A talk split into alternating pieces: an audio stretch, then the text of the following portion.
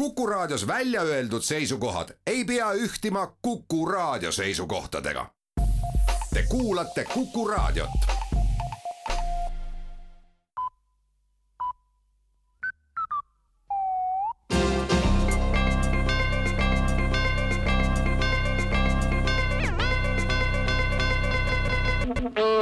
tere kuulajatele, uudistega eetris Rohkede Velak. Tänasest saavad ettevõtted ja eraisikud saata Majandusministeeriumile võlakirju, milles on ära toodud, kui palju üks või teine ettevõte või eraisik ühele või teisele ettevõttele või eraisikule võlgu on.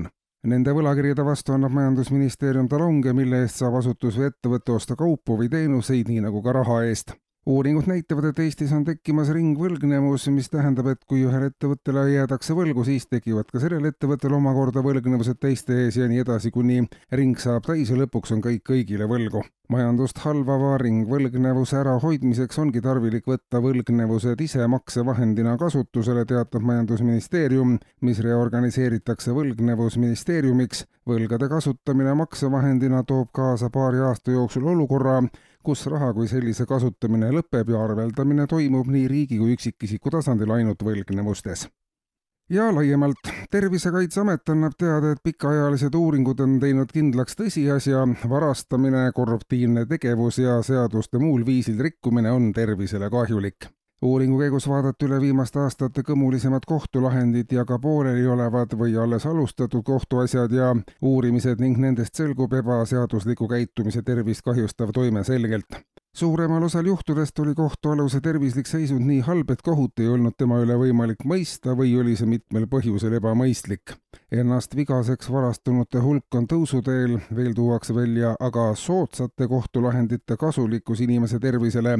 kümnest kohtualusest üheksa paranes pärast kohtuprotsessi positiivset lõppemist oluliselt ja sai jätkata pea täisväärtusliku ühiskonnaliikmena valitsuses on aga laual uue ministeeriumi loomise kavand ja hetkel oodatakse mõjuanalüüsi valmimist, et ellu kutsuda segamisministeerium. nagu nimigi ütleb, saab loodava ministeeriumi peamiseks ülesandeks igakülgselt segada nii ettevõtjatega kui kõikide teiste ühiskondlike gruppide igapäevast tööd ja toimetulekut hetkel segab inimesi iga ministeerium eraldi ja ametkond harva koordineeritult ja see toob kaasa olukorra, kus vahel tundub, et riik nagu otseselt ei segagi ja siis jälle segab igal sammul eriti suures ulatuses segamisministeeriumi alustades aga oleks kogu segamine ühe ministeeriumi käes ja ülejäänud saaksid inimeste ellu sekkumise lõpetada ja keskenduda mitte segamisele.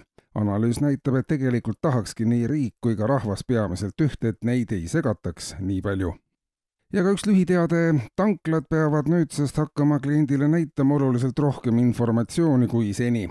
lisaks kütuseliitri hinnale peab olema ära näidatud ka see, kui palju tõuseb kliendi auto turuhind, kui sel paak täis panna. kõiki arenguid arvestades on lähemas tulevikus just see, kas autot müüakse täis või tühja paagiga oluline müügiargument, märgib majandusministeerium. kuulsite uudiseid